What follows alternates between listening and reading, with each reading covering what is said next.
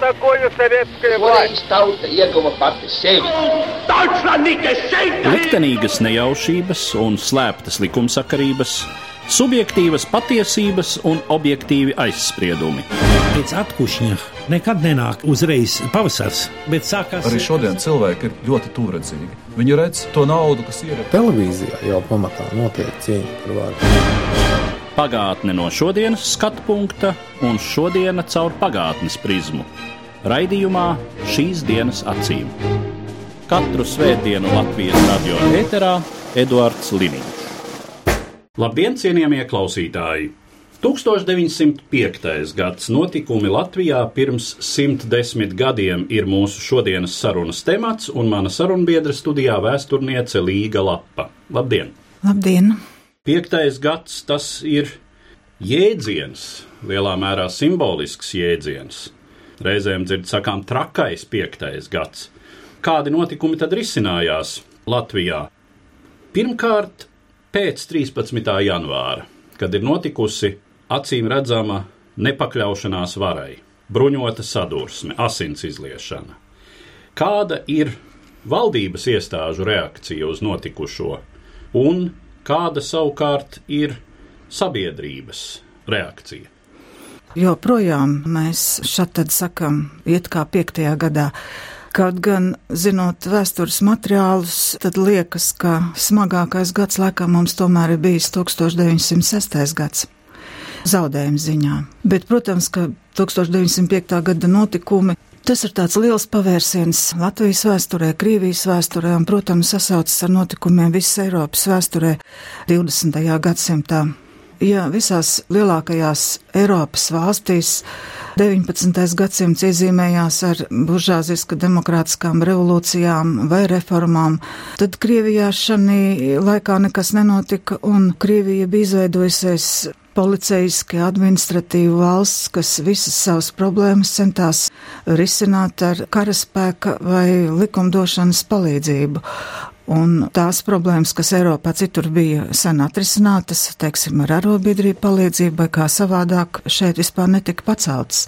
Protams, tas viss samilza un tad notika sprādziens. 13. janvāra notikumi īstenībā bija tā kā tāds zināms katalizators, kas, protams, atstāja ļoti lielu iespaidu uz sabiedrību. Vismaz uz to sabiedrības daļu, kas par to vispār uzzināja un kas to uztvēra.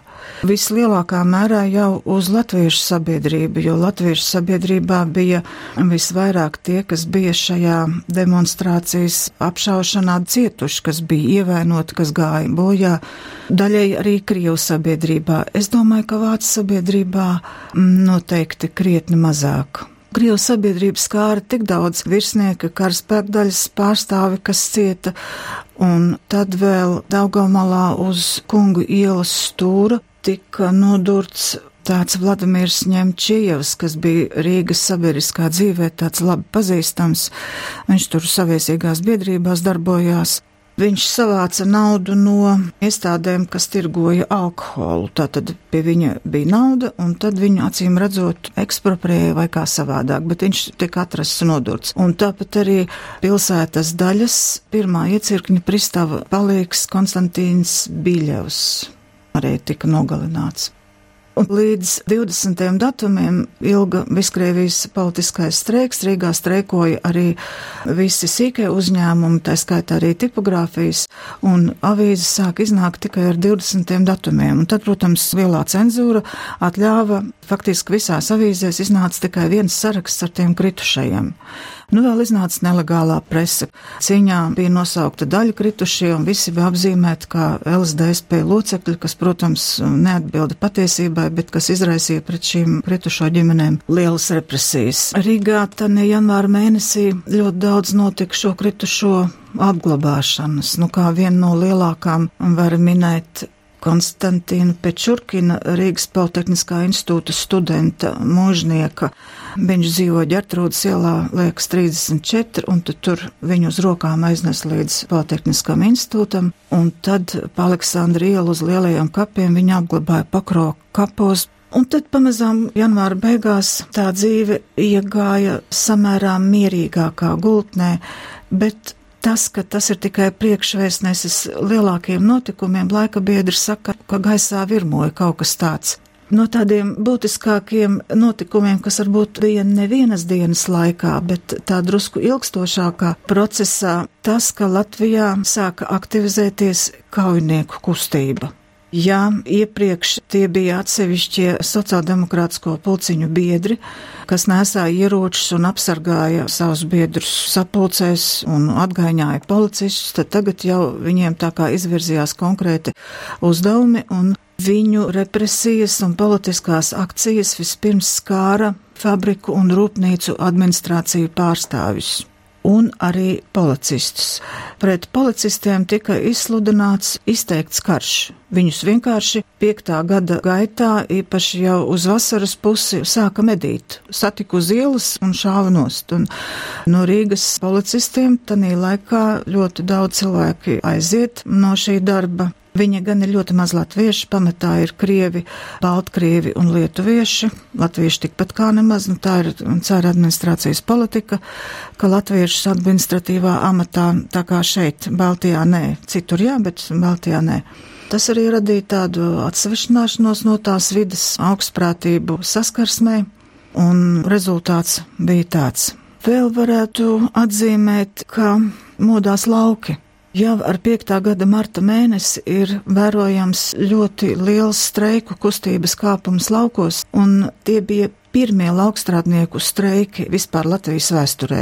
Līdz šim tādi nebija bijuši, un šie pirmie streiki notika Kurzemē, Liepājas apkaimē, Liepāja grobiņa aizpute. Streikoja laukstrādnieki kādās 40 mūžās aptuveni, bet ne visur.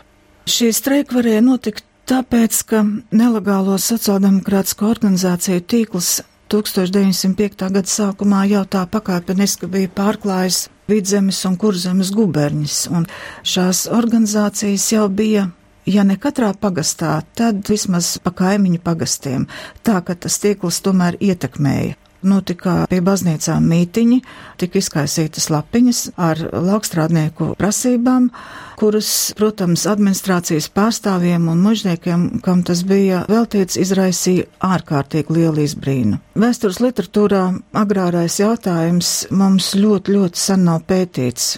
Tāpat kā ļoti daudzas problēmas, kas saistītas ar 5. gada revolūciju, bet tā pavīrs apskatoties šīs laukstrādnieku prasības, ka mūža skalps lūdz gadā pie viņa gada algas pielikt desmit rubļus un piebērt pāris pūrus rudzu. Tas apmēram tā, ka mūžas ietvaros varbūt tam mūžniekam izmaksātu drusku vairāk kā simts rubļu visas mūžas ietvaros. Bet kurzemes guberņi bija ar to īpatnību, sākot ar mūžniekiem, beidzot ar cara administrāciju, kad bija tāda īpaša attieksme pret jebkādu mēģinājumu kaut ko šajā sistēmā izmainīt. Un, protams, ka uz šiem desmit rubļiem taču neviens neparakstījās, nu neviens nebija ar mieru.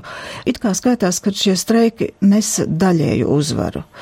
Un šeit vēl jāatzīmē tas, ka no vienas puses Kalpi cerēja, ka sociāldemokrātiskā nelegālā organizācija viņiem vairāk palīdzēs.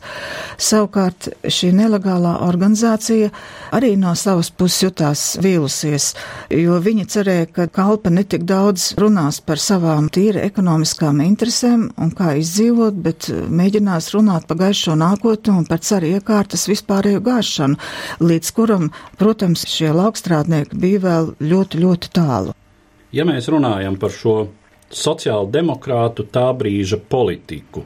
Jūs jau pieskārāties tam jautājumam, kā tad šī organizācija, kas faktiski ir vienīgā tāda organizācija tobrīd Latvijā, redz savu taktiku un stratēģiju, kāds ir viņu tā brīža mērķis un kādi ir tie līdzekļi, kā viņi to mēģina sasniegt. Visi pētnieki diezgan vienas prātis atzīmē, ka sociāldemokrātiskā organizācija 5. gada ietvaros kļūst aizvien radikālāka. Laika gaitā daži no sociāldemokrātiskās kustības dalībniekiem ir kaut kā aizmirsuši, ko viņi darīja 5. gadā, un, un atmiņas ir rakstījuši krietni savādākas, daudzas lietas aizmirstot pastāstīt, bet kāpēc tad šis radikālisms radās? Jo īstenībā panākt kādas izmaiņas jau arī varēja tikai ar diezgan grūtu un sīvu cīņu. Radikālisms tādā doktrīnas ziņā, tātad to paredzamo pārmaiņu ziņā, vai radikālisms metodēs? Domāju, ka tās doktrīnas toreiz īsti skaidrs nebija. Tāpat kā krietni vēlāk to pašu varētu teikt ar anarchismu kustību Latvijā, cik jau nu viņa šeit bija un kāda. Drīzāk tas viss bija tādā ne īpaši plānveidīgā nolemtā rīcībā, kur katrs sociāldemokrātiskā pulciņa pārstāvis jutās nu, man gandrīz gribas teikt, kā tāds neliels mafijas boss, kas savā darbības rajonā uzskatīja, ka spēja rīkoties tā, kā viņš uzskata, un viņam nevienam nav nekas jāatskaitās, un viņš var izlemt uh, ekspropriācijas, viņš var izlemt cilvēka dzīvību vai nāvi, un tas viss ir tikai viņu rokās. Nu, šeit noteikti, kā piemēru var minēt Pārdaugovā Revolucionārā kustībā padomu laikā ļoti slavenais Indriķa Asara brīvdomātāja pulciņš. Viņi 5. gada aprīļa mēnesī nogalināja trīs cilvēkus, vienu fabrikas meistaru, Vilhelmu Rozneru, tad vienu policistu, kas atgriezās no apgaitas vakarā, un trešo Vilhelmu pavasari meistaru palīgu šķiet. Un tas viss notika neslēpjoties, tāpēc arī policija to tā diezgan ātri atrada, bet viņi pat neuzskatīja pa vajadzību kaut no stūra to šautu. Nē, viss notika ielas vidū, citiem redzot, mierīgi ar bravūru aizejot prom, un, protams, pat cik bija liecinieki, kas redzēja, kurš tieši to izdarīja, tas bija vienkārši vienas dienas jautājums, kad visu šo pulciņu apcietināja. Vispār šī kaunieku pulciņa darbība 5. gada aprīļa mēnesī arī sabiedrībā izsauca diezgan lielu rezonanci. Viņus tiesāja 6. gada martā, viņi saņēma samērā mazus sodus, respektīvi katorgu. Cietumā pamatā viss aizgāja bojā, bet skatoties šos lietas izmeklēšanas materiālus, izbrīna pati šī asaru ģimene, Indriķis Asars. Viņam ir sieva. Sievai ir tanī brīdī pieci bērni un viņa vēl ir stāvoklī tātad ar nākošo bērniņu. Un šis vīrietis, viņš liek savai sievai šādā situācijā piedalīties divās slepkavībās. Policija šo Laviju Zasaru ļoti ilgi neapcietina, beidzot apcietina, viņai cietumā ir dzemdības, sastais bērniņš piedzimst un nomirst, un tad viņai piespriež sešus gadus katorgā un pie tam to sodu vēl samazina. Viņa katorga izcieš Rīgā, nevis viņa kaut kur aizsūta, nu, acīm redzot arī bērnu dēļ. Viņa Krievijā pēc tam mirst 20. gados. Šādi bija šie cilvēki, kas liela daļa bija sociāldemokrātisko pulciņu priekšgalā. Rīgā māja mēnesī notika pirmie bumbu sprādzieni. Nu, pavisam 5. gada revolūcijas laikā, tas ir 1905. un 1906. gadā, Rīgā notika aptuveni 30 bumbu sprādzieni, un pamatā tie bija saistīti ar 1906. gada augusta mēnesi, kad notika tramvai darbinieku streiks, bet pirmie izmēģinājumi bija 5. gada 1. un 2. maijā. 1. maijā bumba sprāga Vērmaņdārzā, kur svētdienā cilvēki bija sapulcējušies dārzā, kāds vienkārši sāk šaut, tur iejāja kazaki, mēģinot cilvēkus no turienes izdabūt ārā, un tad tāds Kārlis Leksdiņš uz vienu no patruļas dalībniekiem meta bumbu. Bumba trāpīja eh, zirgu, zirgs tika ievainots un patruļas dalībnieks tikai tika kontuzēts. Bet nākamajā dienā pilsētas nomalē Grīziņkalnā pie Apollo teātra. Tur jau bija tāda nopietnāka operācija, bet arī tā netika plānota. Viņa vienkārši gāja ar bumbu pa ielu un nosprieda, nu, kad pienāca laiks viņu izmēģināt. Un tad viņa uz postenī stāvošiem Gordovajiem meta viņu, divi tika nogalināti, un kad trešais ievainotais mēģināja aizbēgt, tad viņu nošāva.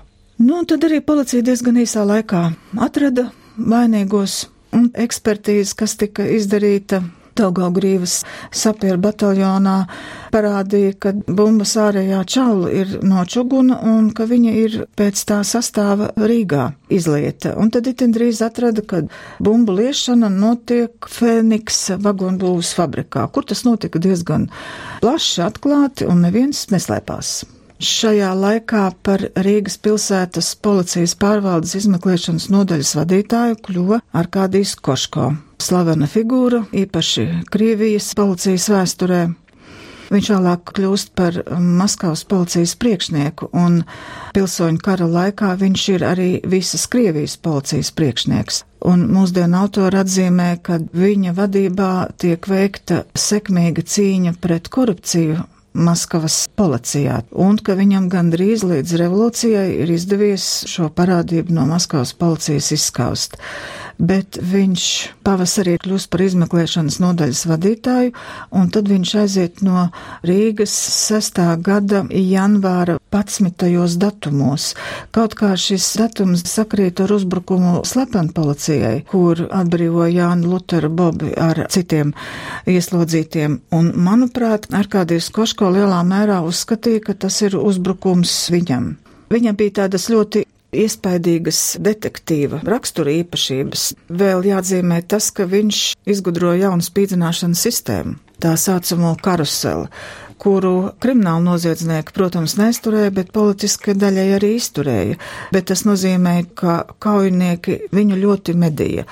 Un tad viņš pārģērbās, mainīja dzīvokli, pa sētas durvīm gāja, un kaujinieks Jānis Čoka Brašais, kas parasti nešāva, viņam iemīļotais instruments bija nazītes, bez maz, kā saka, ar nazi zobos viņu tur pie durvīm gaidīja. Bet tā arī viņam izdevās izsprukt, bet skaitās, ka Rīgas policijas izmeklēšanas nodaļā vai slepenpolicijā, kā tautā mēdza teikt. Šīs tradīcijas sākās tieši ar Koško laiku, tieši ar šo brīvdomātāju pulciņu, ar šīm pirmajām kaujinieku spilgtām operācijām. Vai mēs varam teikt, ka šajā laikā valsts spēka struktūras ir zināmā mērā tādā šoka stāvoklī? Sevišķi, ja mēs runājam par tiem pašiem Latvijas laukiem, kur tad ir saprotams, ka Vācu baltiešu muiznieki sāk organizēties paši aizsardzībai, jo acīm redzot, varas struktūras nespēja nodrošināt kārtību. Jā, Vācu baltieši sāk organizēties paši, viņiem izveidos pašaizsardzības organizācijas Zelbst šuts, bet patvaldība zināmā mērā diezgan ieinteresēti noskatās, kā tad nu viņi tagad tiks ar to galā. Te arī bija tās vācu mužniecības zināma konfrontācija ar varu, jo vācu mužniecība diezgan sāpīgi pārdzīvoja carisma uzspiesto pārkrevošanas politiku, kas ļoti krasi sāka izpausties jau ar 19 gadsimta pēdējo ceturksni, īpaši ar administratīvo reformu, tieslietu reformu un citām reformām 80. Gados, kas arī izglītībā, pagastu pārvaldē pilnīgi izspieda latviešu valodu, kas bija viens no 5. gada revolūcijas arī pamatjautājumiem izglītību mācas valodā. Bet šie notikumi jau norisa visā Krievijā.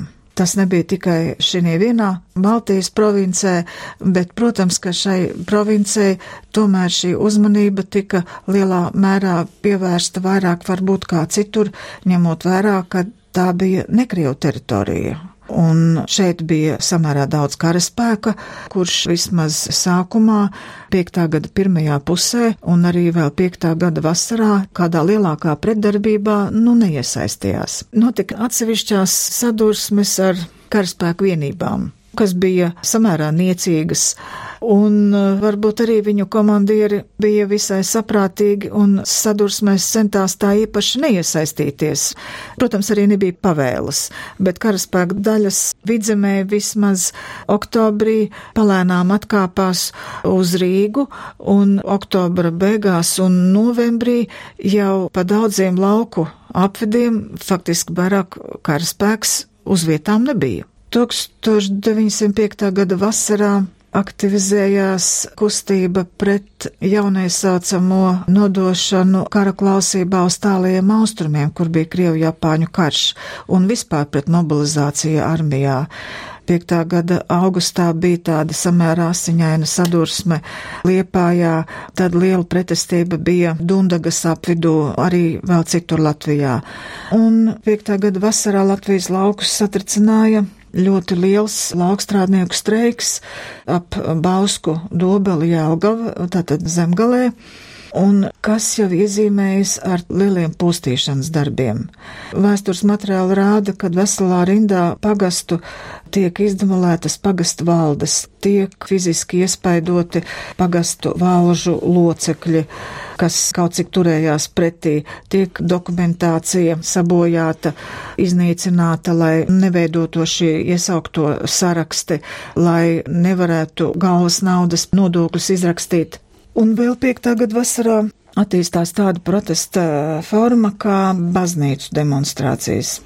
Reliģijas vēstures pētnieki gan uzsver, ka šāda protesta forma Latvijā bijusi arī 19. gadsimta beigās, bet 5. gadā tas īpaši aktualizējas, jo ir ļoti lielas sastarpējās pretrunas tieši evaņģēliski luteriskās baznīcas draudzēs, respektīvi draudžu ganus mācītājus ieceļ tikai mužnieki, tās ir tā saucamās patronāta tiesības, pret kuru protestē ļoti ilgu laiku, bet tās arī saglabājas līdz februāra revolūcijā, līdz krasē varas maiņai, un ļoti daudzās evaņģēliski luteriskās draudzēs šis mācītājs pirmkārt ir mužnieku spiests, otrkārt vācu tautības, un treškārt pagastā viņš parādās arī kā tāds feodāls, jo viņam pieder zemes īpašums, zeme ap mācītāju mūžu, viņš tāpat pieņem kalpus, mūžas daļu izrentē tāpat kā mužnieks, un viņam ar draudzes locekļiem ir darba devēja un darba ņēmēja attiecības, bet nevis viņš būtu draudzes gans. Katoļu draudzēs bija pavisam cits stāvoklis, un katoļu draudzēs tikpat kā nekur nenotika šādas baznīcu demonstrācijas. Šādas demonstrācijas nenotika arī pareisticīgo draudzēs, kas bija samērā daudz Latvijā, un šeit noteikti jāpiemina pareisticīgo draudžu priesteru ārkārtīgi humanā rīcība soda ekspedīciju laikā, ka tieši viņi glābuši neskaitāmi daudz Latvijas iedzīvotājus no nepamatotām soda ekspedīcijas represijām. Bet baznīcas demonstrācijas notika arī aptuveni kādās 40 draudzēs vairāk vidzemē, nevis kurzemē, un no tādām pazīstamākām varētu minēt 1905. gada 5. jūlijā baznīcas demonstrācija Sesavas draudzē. Par to ir rakstījis Feliks Cilēns atmiņās, Māja Cilēna, kur tika nogalināts vietējā barona Hāna brālēns Aleksandrs von Bistrams, Bet skatoties konkrētus materiālus, var vienkārši redzēt, ka šī demonstrācija un šī konfrontācija no abu mužnieku puses tika samērā mākslīgi izraisīta. Katrā ziņā no tās varēja izvairīties. Bet tur notika apšauda, tika ievainots viens mācītājs, var sakot, otrs barons sāk šaut pulī, tādā bezjāgā pa laimi trāpīja tikai diviem cilvēkiem, vienu diezgan smagi ievainoja, vienu mazāk, bet barons Bistrams ir viens no tiem retajiem vācu mužniekiem, kas tiešām šajā revolūcijā iet bojā. Kaut kā tā Baltvācu historiografijā ir pieņemts arī laika biedra atmiņās, kad šī revolūcija vērsusies pret eh, vācu mužniekiem, bet skatoties tā ļoti konkrēti tos cilvēkus, kas ir tieši revolūcijā cietuši, tad jāsaka, ka vācu mužnieki ir vieni no tiem, kas vismazāk ir gājuši bojā. Protams, materiālie zaudējumi tas ir pavisam kas cits. Ja mēs runājam apkopojot šo vardarbības statistiku, tad līdz 5. decembrim, kad abās Baltijas guberņās ievieš karstāvoklis, saprot, ka kurzemes guberņā tas tiek ieviests jau agrāk, cik ir nogalināto, cik ir ievainoto un kāda ir tā struktūra, cik ir Bācis Baltiešu mužnieku, cik ir cara administrācijas un uh, policijas pārstāvju un cik ir citu. Kāda ir tā sociālā struktūra?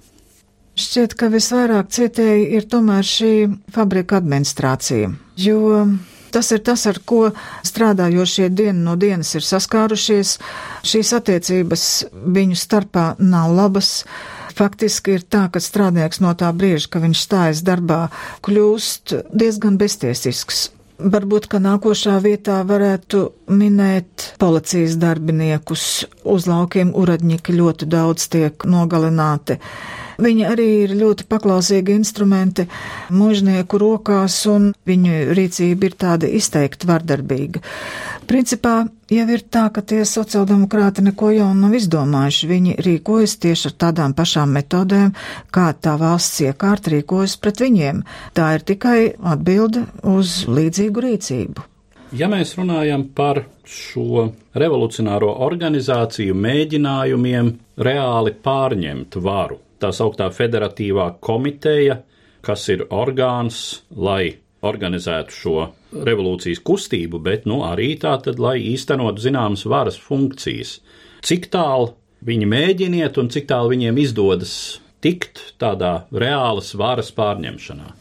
Federatīvā komiteja nodibinās 1904. gada liekas septembrī. Tā apvieno Latvijas sociāldemokrātisko strādnieku partiju un ebreju bundu. Bunda vēsturi Latvijā Ļoti, ļoti vajadzētu papētīt, bet tie vēstures materiāli, kas līdz šim ir pieejami, viņi rāda šo organizāciju kā ārkārtīgi plašu, bet praksē viņi samērā maz parādās gan žandarmērijas materiālos, gan policijas materiālos, vai nu viņiem izdodas ļoti konspiratīvi strādāt, vai viņu loma šeit ir zināmā mērā pārvērtēta. Partija kopējais lozungs bija kurs uz bruņotu sacelšanos. Tātad ir vajadzīgi ieroči, un visu 1905. gada laiku ir veikti ļoti daudzi un dažādi mēģinājumi no ārzemēm ievest ieročus. Mēs, protams, zinām mūsu slaveno kaujinieku Ferdinandu Grīniņu. Akadēmiķis Stradiņš ir plaši aprakstījis, kā nu viņš brauca uz ārzemēm, kā viņš mēģināja un cik viņš ieveda. Bet šī ieroča Latvijā ienāk ļoti fragmentāri. Kuģus ļoti rūpīgi pārmeklē, un uh, nav tā, ka Latvijā būtu ienākusi kaut kāda liela, milzīga ieroča partija, ar ko nu varētu apbruņot uh, daudzus strādniekus un gatavoties uz bruņotu sacelšanos. Ļoti atklāts jautājums vēl ir par kuģi Džons Graftons kas 1905. gada septembra beigās pie Somijas tika uzsēdināts uz sēkļa un komanda viņu pameta, kur bija latviešu kapteinis Strautmanis un kas ir saistīts ar Japānas militārā atašeja darbību Krievijā, vēlāk Zviedrijā un Vācijā. Viena versija, ka šis kuģis Džons Graftons ir piestājis pie kurzemes krastiem un garīdznieka Gapāna un Japāņu militārā atašēja sagādātiem līdzekļiem iegādāti ieroči tika daļēji izkrauti kurzemē. Par to vēsta dažas atmiņas, bet toties Japāņu un citu vēsturnieku darbi, kas to ir pētījuši, liecina, ka šis kuģis tomēr kurzemes krastiem ir aizgājis garām. Tātad šis kuģis mēģina, manuprāt, neveiksmīgi ieroču kravu nogādāt Latvijā, bet Rīgā dažādos laika posmos ir atklātas diezgan daudz ieroču noliktavas, bet ļoti niecīgas. Vēl nākošais ceļš, kā iesaistīt armiju, tas ir attīstīt kara organizācijas, bet tad, kad 5. gada novembrī notiek Rīgas komitejas un federatīvās komitejas sēde, kur izskata tieši šo jautājumu par Rīgas garnizonu piedalīšanos bruņotās atcelšanās, tad šo jautājumu atliek ar domu, ka šis garnizons šādam pasaukumam galīgi nav gatavs. Tātad armija šajā revolūcijā nebūtu nenostājas revolucionāru pusē. Un jautājums par bruņoto sacelšanos ir tāds stipri pāragrs. Un, protams, skatoties arī Krievijas materiālus un skatoties jaunākos pētījumus par Maskavas bruņoto sacelšanos, cik tā bija negatava, neorganizēta, un kā viņas rezultāts ir tāds, kāds viņš toreiz bija, tad liekas, ka sociāldemokrātiski ko organizāciju federatīvā komiteja tanī laikā ir pieņēmusi tādu samērā saprātīgu lēmumu, tomēr šo bruņoto sacelšanos visā Latvijā nepasludināt. Tad ir jājautā, cik lielā mērā sociāldemokrātu darbība noteica to situācijas eskalāciju, kāda tā bija. Vai arī tā tomēr bija vairāk stihiska un partija vienkārši mēģināja rēģēt un piedalīties? Laikam jāsaka gan tā, gan tā. Notikumi, kur bija bruņotās sadursmes daudzos Latvijas novados, arī zināmā mērā tika organizēti un zināmā mērā arī tālāk notika stihiski. Šie abi apstākļi tā sasaucās. Tad, kad tika pasludināts karstāvoklis arī vidzemē, kurzemē sakarā ar šiem diezgan vardarbīgajiem laukstrādnieku streikiem, tas notika 5. gada augusta sākumā, pēc tam vidzemē rudenī un pēc tam, kad tika izveidota Baltijas ģenerālgubernatūra, kur visa vara tika nodota jau militāram komandierim, tad iesaistījās karaspēks un tad arī, protams, samērā īsā laikā viss notika krietni savādāk. Par situācijas attīstību 1905. gada beigās un 1906. gadā tālāk mēs runāsim jau kādā citā sarunā, bet par šo sarunu, kas bija veltīta norisēm Latvijā 1905. gada laikā, es saku paldies manai sarunbiedrei, vēsturniecei Līgai Lapai. Katru svētdienu Latvijas radio viens par pagātni sarunājas Eduards Liniņš.